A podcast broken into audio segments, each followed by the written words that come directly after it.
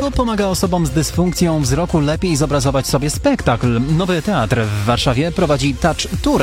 Chodzi o warsztaty, na których osoby niewidome i słabo widzące mogą wejść na scenę i dotknąć rekwizytów. Wszystko po to, by mogły lepiej odebrać przedstawienie, mówi Helena Świegocka z Nowego Teatru w Warszawie. Taki touch tour, czyli możliwość wejścia w scenografię, dotknięcia jej, też pomoc makiet wtedy jest dotykowych, żeby zobaczyć różne elementy, których nie można czasami dotknąć, bo są zbyt wysoko. To to wszystko powoduje, że że dużo lepiej odbiera się spektakl. A jak wygląda taki touch tour? Dosłownie wchodzimy na scenę i po kolei przechodzimy scenografię, dotykamy wszystkiego, co tam jest i wszystkiego, co dotknąć można. To znaczy, czasami są takie elementy scenografii, których nie można dotknąć. Nawet nie dlatego, że do nich nie sięgamy, ale też dlatego, że na przykład są bardzo delikatne. Obecnie w Nowym Teatrze taki touch tour jest organizowany dla dziewięciu spektakli.